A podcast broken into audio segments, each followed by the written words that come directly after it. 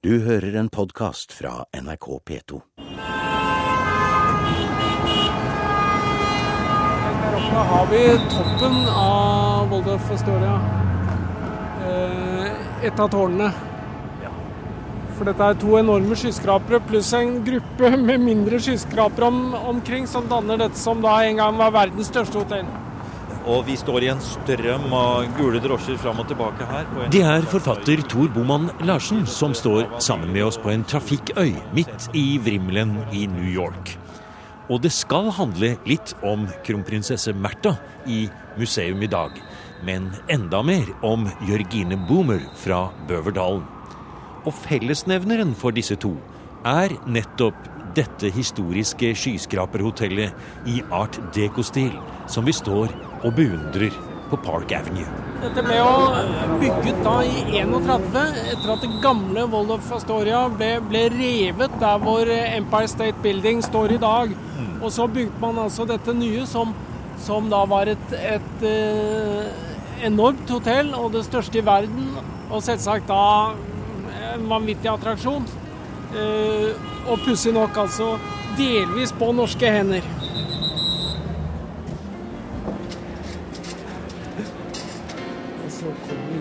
Se på den. Se på den lobbyen. Har du sett på maken? Her er det høyt under taket, her er det eksklusivt. Her er det marmor, dype tepper, store kunstverk. Og denne berømte klokken da, som står midt i rommet her, som er et eh, kunstverk i seg selv, som eh, var også i det første Waldorf Astoria-hotellet. Hvis vi tar enden av lobbyen her, Ja. og så ut til utgangen, så er det en fotballbane i full, eh, full størrelse. ja. Peacock Alley Restaurant. Og påfuglgangen Peacock Alley, som forbinder disse to tårnene, der skulle de rike og mektige ses når de eh, struttet forbi og viste sin eh, eh, glory. Går det an at en hotellobby i New York kan bli sett på som et av historiens fotavtrykk? Et lite hjørne av verdensscenen som attpåtil har sterke forbindelser til Norge? Svaret er ja, for disse eksklusive omgivelsene rommer både et sterkt norsk utvandrereventyr og en liten del av historien til det norske kongehuset under annen verdenskrig.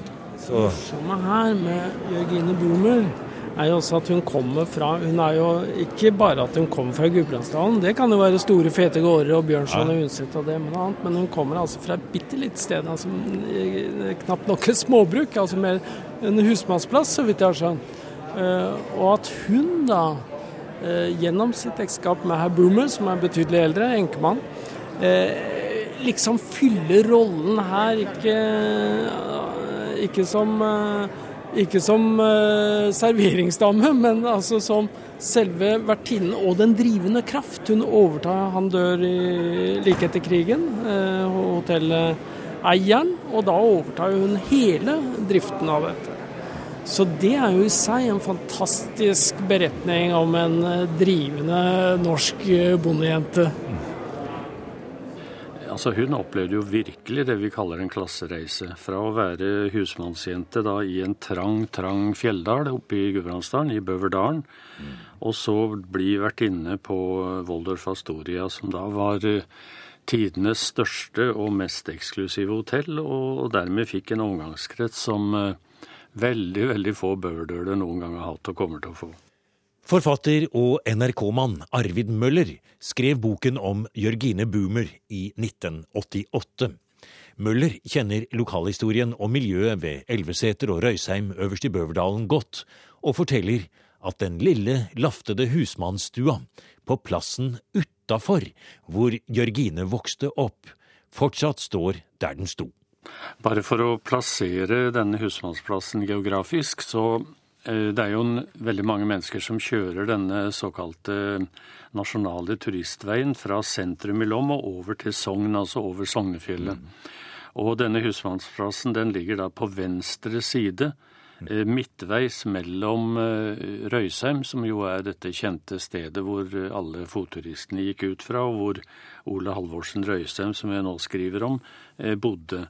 Eh, og Elveseter, det store hotellet hvor Sagastøyla står. Midt mellom der ligger da utafor, på venstre side. og Du kan faktisk se den vesle husmannsstua hvis du tar det med ro oppover der. Eh, Jørgine kom jo tilbake mange, mange ganger, og hun bygde vel sin egen store praktvilla omtrent på dette stedet? Ja, hun gjorde det. Villa Jotunheim, som hun eh, kalte den. Og seinere så bygde hun en hel gård, Storhaugen, hvor hun plasserte mange, mange flotte hus, og det skulle liksom være hennes hennes eh, norske tilknytning, da, som det også ble. For vi må jo huske på at da disse reiste, disse to søstrene Mari og, og Jørgine, det var altså i 1903. Mari, storesøsteren, var 17, Jørgine var 15. Og de hadde en onkel borte i Fergus Falls i Minnesota som da mente at de måtte komme dit, for der var det framtid, og slettes ikke i Bøverdalen, mente han. Mm. Og vi skal også huske på at uh, dette var jo en av de store utvandringsbølgene sånn rundt uh, århundreskiftet. Den andre eller tredje store bølgen av emigranter. Og i Lom kommune, som jo er en liten fjellkommune, der var det mange som dro til Amerika. Men fra, hvis du ser på de forskjellige grendene i Lom kommune, så var det inga grend som sendte så mange mennesker til Amerika som nettopp Bøverdalen. For der var det der var det fattigdom, det var uår stadig vekk, og det var, det i hele tatt vanskelig. Så disse to jentene, da, de rusla jo først ned til bygdesenteret på Fossberg og Milom, og så tok de seg med, med kjerre og hest videre til eh, Otta. Toget inn til Kristiania, båt til Bergen, ny båt over til Høll. Så for de da med tog over til Liverpool, gikk om bord i amerikabåten.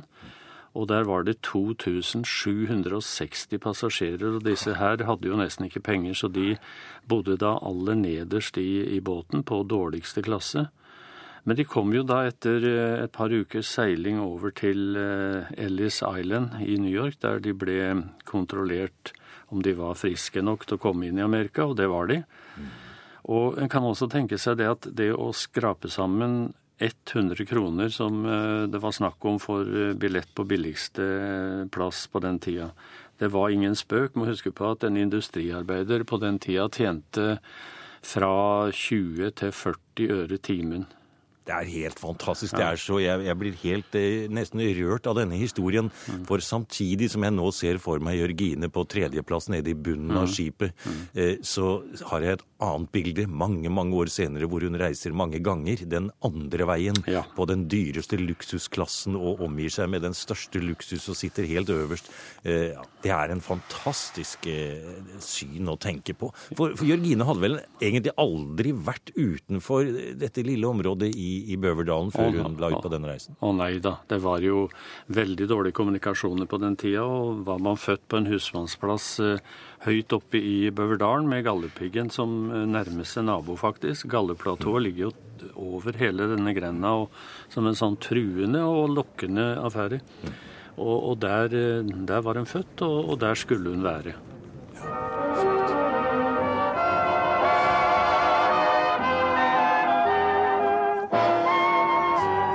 Arthur, her har vi kommet inn i en av de får vi si, viktige og fornemme ballsalene, får vi nesten si, i New York. Her tester orkesteret.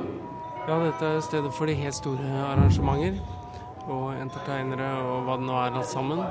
Vi merket at det er losjer i, i flere høyder. Den norske kronprinsfamilien traff Jørgine Boomer allerede da de var på sin store rundreise i USA i 1939. Og det var også direkte til dette hotellet kronprinsesse Märtha kom med sitt lille følge i august 1940, på flukt fra det okkuperte Norge. Og Jørgine hadde gjort alt i stand i en tårnsuite i 31. etasje på Waldorf Astoria. Prinsesse Astrid som jeg har snakket med, hun forteller jo at eh, Harald fikk sitt eget rom, mm. mens disse to jentene de delte da et rom. Mm. Og Jørgine hun bodde jo i en av tårnleilighetene på hotellet. Og det gjorde disse her også. Og Jørgene hadde jo da kjøpt inn for tusenvis av kroner i leker til disse jentene og til Harald. Mm. Og Astrid sier at for oss fortonet det seg som et overveldende berg av spennende ting. Mm. Men de flyttet iallfall inn der. Og etter hvert også da til Roosevelt-familiens landsted i Hyde Park, som ligger et par timers kjøring unna. Og så var det jo slik at under krigen, da etter hvert dette kronprinsfølget på flukt eh, slo seg ned like utenfor Washington, eh, på Pooks Hill der, ja. så reiste jo da kronprinsesse Märtha og hoffdamen ofte opp til New York, og da bodde de på Waldorf Astoria. Ja, og det var jo uh, Jørgenes uh, vilje da at uh, Märtha skulle få noen luftehull i New York. Det var jo en tøff tid, dette her med krig i Norge, og disse var jo i eksil. Så jeg tror hun Det oppsto et vennskapsforhold der som mange brev og, og replikker tyder på var ganske tett. Og det var, det var to gode venninner, dette her. I to tidligere programmer har kongebiograf Tor Boman Larsen fortalt om hvordan kronprinsesse Märtha og hennes følge fikk et nært forhold til president Roosevelt i de fem krigsårene, og hvordan det var eiendommen Pooks Hill utenfor Washington som ble deres faste tilholdssted. Men oppholdene her på Waldorf Astoria og kontakten med Jørgine Boomer var kjærkomne avbrekk, sier Tor Boman Larsen. Og, det er klart at for, for uh, kronprinsessen så er jo også New York etter hvert et sted for uh, rekreasjon, avveksling. Uh, kino, restauranter, shopping. Altså det er et sted man drar fra det litt traurige Washington Eh, ikke bare for å representere, men også for å koble av. Er det her på Waldorf hun bor da, når hun er her på sånne turer? Ja, det er stort sett på Waldorf. Også fordi Jørgine Boomer blir en venninne av kronprinsessen. De, de, holder sammen også mange år senere. Men eh, morsomt der er jo den eh, episoden at her er jo en rekke eh, av de amerikanske stjernene som bygger seg opp på Waldorf Astoria. En av dem som har veldig mye uh, å takke dette hotellet for, er nettopp Frank Sinatra. Og han er da en ung, relativt ukjent, men oppadstigende stjerne på, på 1940-tallet, og har sine første opptredener nettopp her. Og en aften da i november 43 så opplever da kronprinsessen med sin hoffdame at at eh, Frank Sinatra slår seg ned nettopp ved deres bord, og, og damene omkring dåner, ikke sant. Og, og, han synger sine sentimentale sanger, er sjarmør, enda en mann i, midt i 20-årene. Og, og, det er eh, det er et navn de ennå ikke har hørt, men som de da møter her. For, for, det som jo er tilfellet, det er at Waldorf Astoria, her vi er nå med disse store ballsalene og de berømte rommene, de er jo også arenaen for det skal vi si, showbiz-Amerika som etter hvert blir kjent over hele verden. Glenn Millers berømte show her fra Starlight Roof, eh, overført direkte i amerikansk radio osv., det er jo helt legendariske ting. Eh, og inn i dette bildet er det altså Hun sitter ved sitt bord, og Frank Sinatra kommer bort og ja. Fordi Norges kronprinsesse er jo selv en attraksjon. Det er ikke tilfeldig at, at, Frank Sinatra velger, velger, det ordet. Fordi ikke bare er hun en, en stilig dame, hun er kronprinsesse, det er jo veldig eksotisk.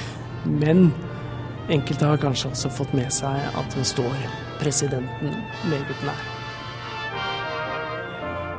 Fools rushing where angels fear to tread. And so I come to you, my love, my heart above my head. Though I see the danger there, if there's a chance for me, then I don't care.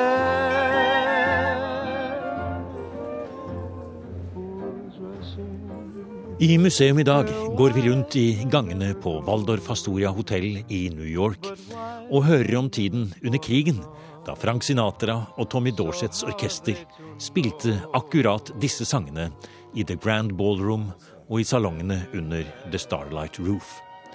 Over ett av bordene satt altså kronprinsesse Märtha sammen med hotellets mektige vertinne og øverste leder, Jørgine Boomer, fra en husmannsplass i Bøverdal. Nå holder vi på å gjøre i stand eh, til, et, eh, til en function her, et arrangement. Eh, og dette stedet, Tor, Waldorf Astoria hotell, som har så mye fra de dyreste forretninger og de fineste restauranter, de store ballsalene sånn som vi har innenfor oss her. terrasser, utsikt, egne suiter høyt oppe i tårnene. Det ble altså et, et sted å trekke seg tilbake til i New York, både under dette oppholdet under annen verdenskrig og også senere. Etter annen verdenskrig så kommer jo både kronprinsessen og kronprins Olav tilbake hit til New York. Ja, Eh, og det knytter seg ikke bare til bygningen, men til vertskapet. Og da snakker vi om Jørgine Boomer, denne fantastiske norsk-amerikanske kvinnen. Hun var en dame i 50-årene under krigen. Altså litt eldre enn kronprinsparet, men, men, det utviklet seg et vennskap mellom dem som hadde feste både her, men også i Norge. Hun pleiet kontakten med gamlelandet og bygde jo også opp eh, et slags feriested oppe i Bøverdalen. Men eh, det var ikke slutt med Amerika for kronprinsesse Märtha etter krigen. Hun kom tilbake allerede så tidlig som i 46. Eh, og da for en større, en ganske omfattende operasjon, eh, angivelig for Ishas smerter. Eh, da var hun bare innom Eh, New York, for, formoder jeg, på, på, veien opp, men hun ble operert i Boston. Og lå da på eh, Først lenge på sykehuset fordi hun ble gipset, og lå i gips i ukevis. Og så senere også på et hotell i Boston. Det var et langt og iallfall i begynnelsen et smertefullt opphold. Så gikk noen år, og eh, i 1950 så bestemte kronprins paret seg for et offisielt besøk i USA. Og da kom de tilbake for så å si å pleie alle kontaktene, selvsagt her i, i New York, eh, på Waldorf Astoria, men, men, også en ganske stor rundreise. Det var til 14 dager til de gamle, gode norsk-amerikanske miljøene. Det var altså i 1950. Eh, og da var kronprinsessen frisk. Men uh, hun hadde jo stadig tettere uh, sykdomsopplevelser i denne tiden. Og i 52 hadde hun jo konstatert gullsot. Og da kom hun tilbake til Amerika, og da til Florida, for et eh, rekreasjonsopphold for å komme til hektene og bygge seg opp. ikke sant? Og da var også Jørgine Boomer eh, involvert. i Hadde, hun var nede i Florida, og, og kronprinsessen var selvsagt også her. Det oppholdet gjorde henne godt, og det varte også ganske lenge, en måned eller to. Men hun fikk tilbakefall, og eh, tilstanden eh, ble eh, egentlig verre og verre når hun kom tilbake til Norge. Så høsten 53, altså bare noen måneder før hun dør eh, hjemme i Norge, så kom hun på et siste, også ganske langt rek rekreasjonsopphold eh, høsten 1953, altså hvor de igjen, hun med, med sin hoffdame, eh, reiste ned til Florida og lå, lå der, men, men oppholdet hadde ikke lenger noen sterk effekt.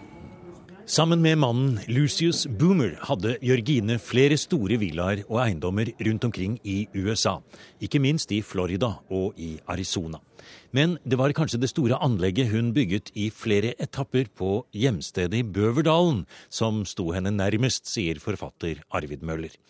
Og ikke bare bygninger, men også mange andre ting opptok den tidligere husmannsjenta på hjemstedet i Norge.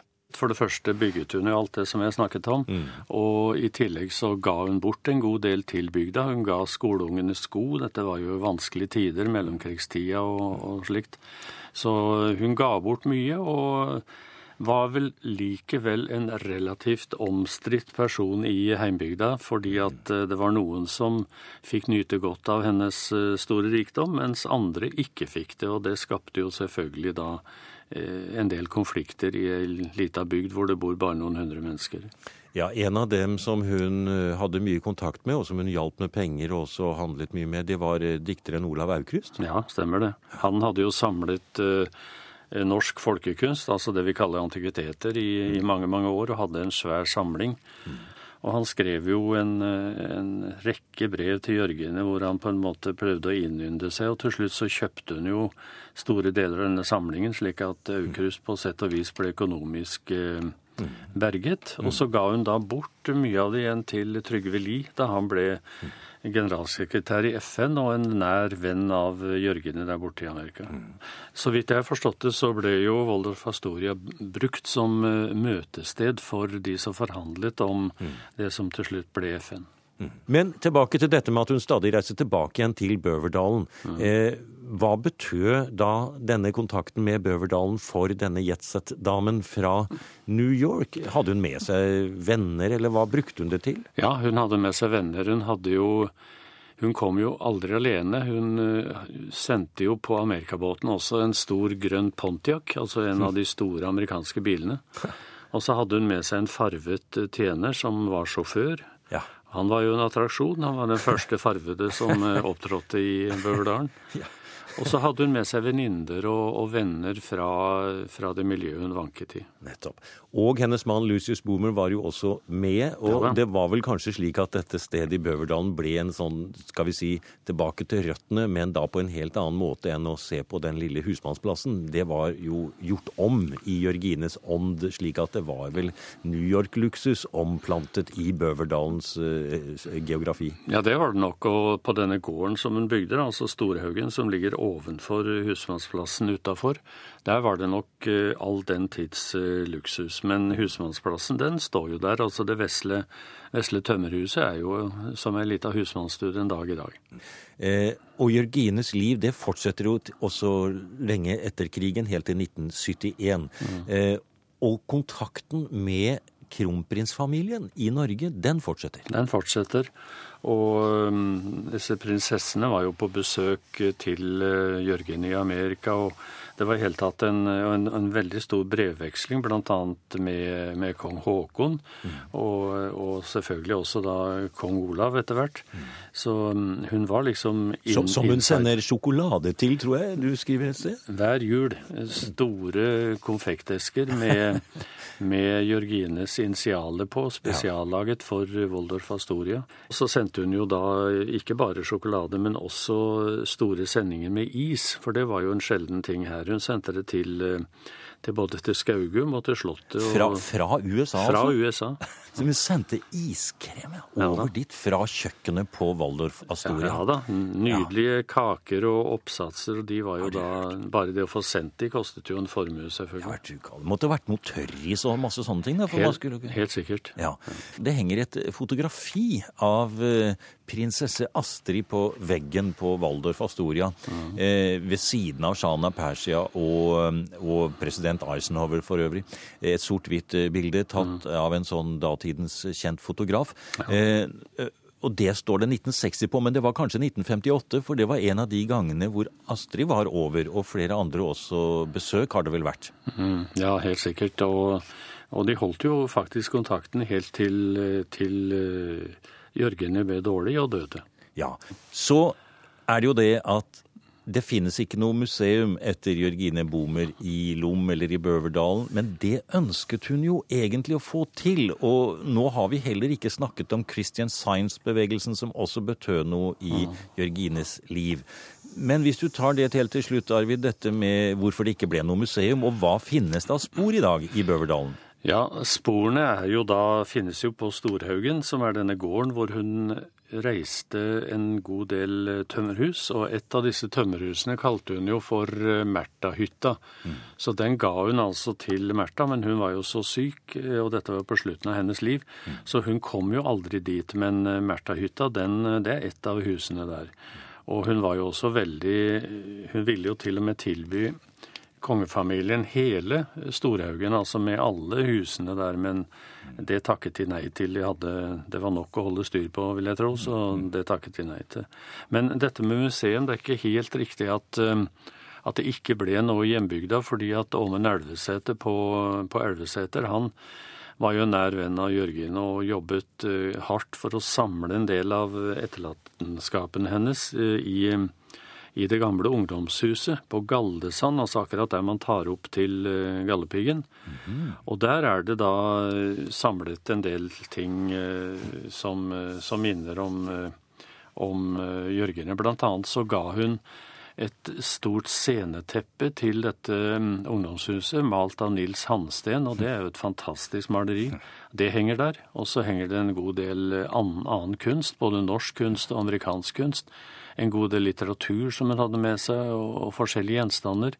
Og litt artig også en del malerier og, og mosaikkbilder som hun har laget selv. Hun hadde liksom en en slags liten kunstner i seg, hun også, uten at det, det skal sies at hun var noen kunstner. Men, men iallfall henger det en del av de tingene der også. Så de, de har jo samlet en del, og, og, det bør jo iallfall kunne bli et bitte lite artig museum av, over en person som ikke akkurat er noen dusinvare.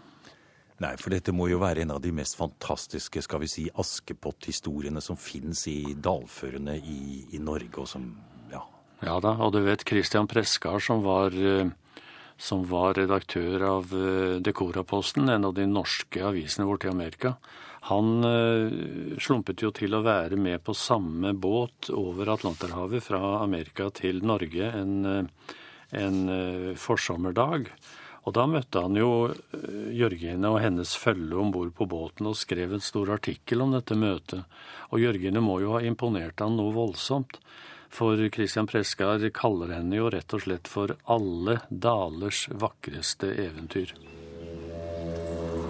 Du har nå hørt en podkast av programmet Museum fra NRK P2. Send gjerne en e-post til museum krøllalfa nrk.no.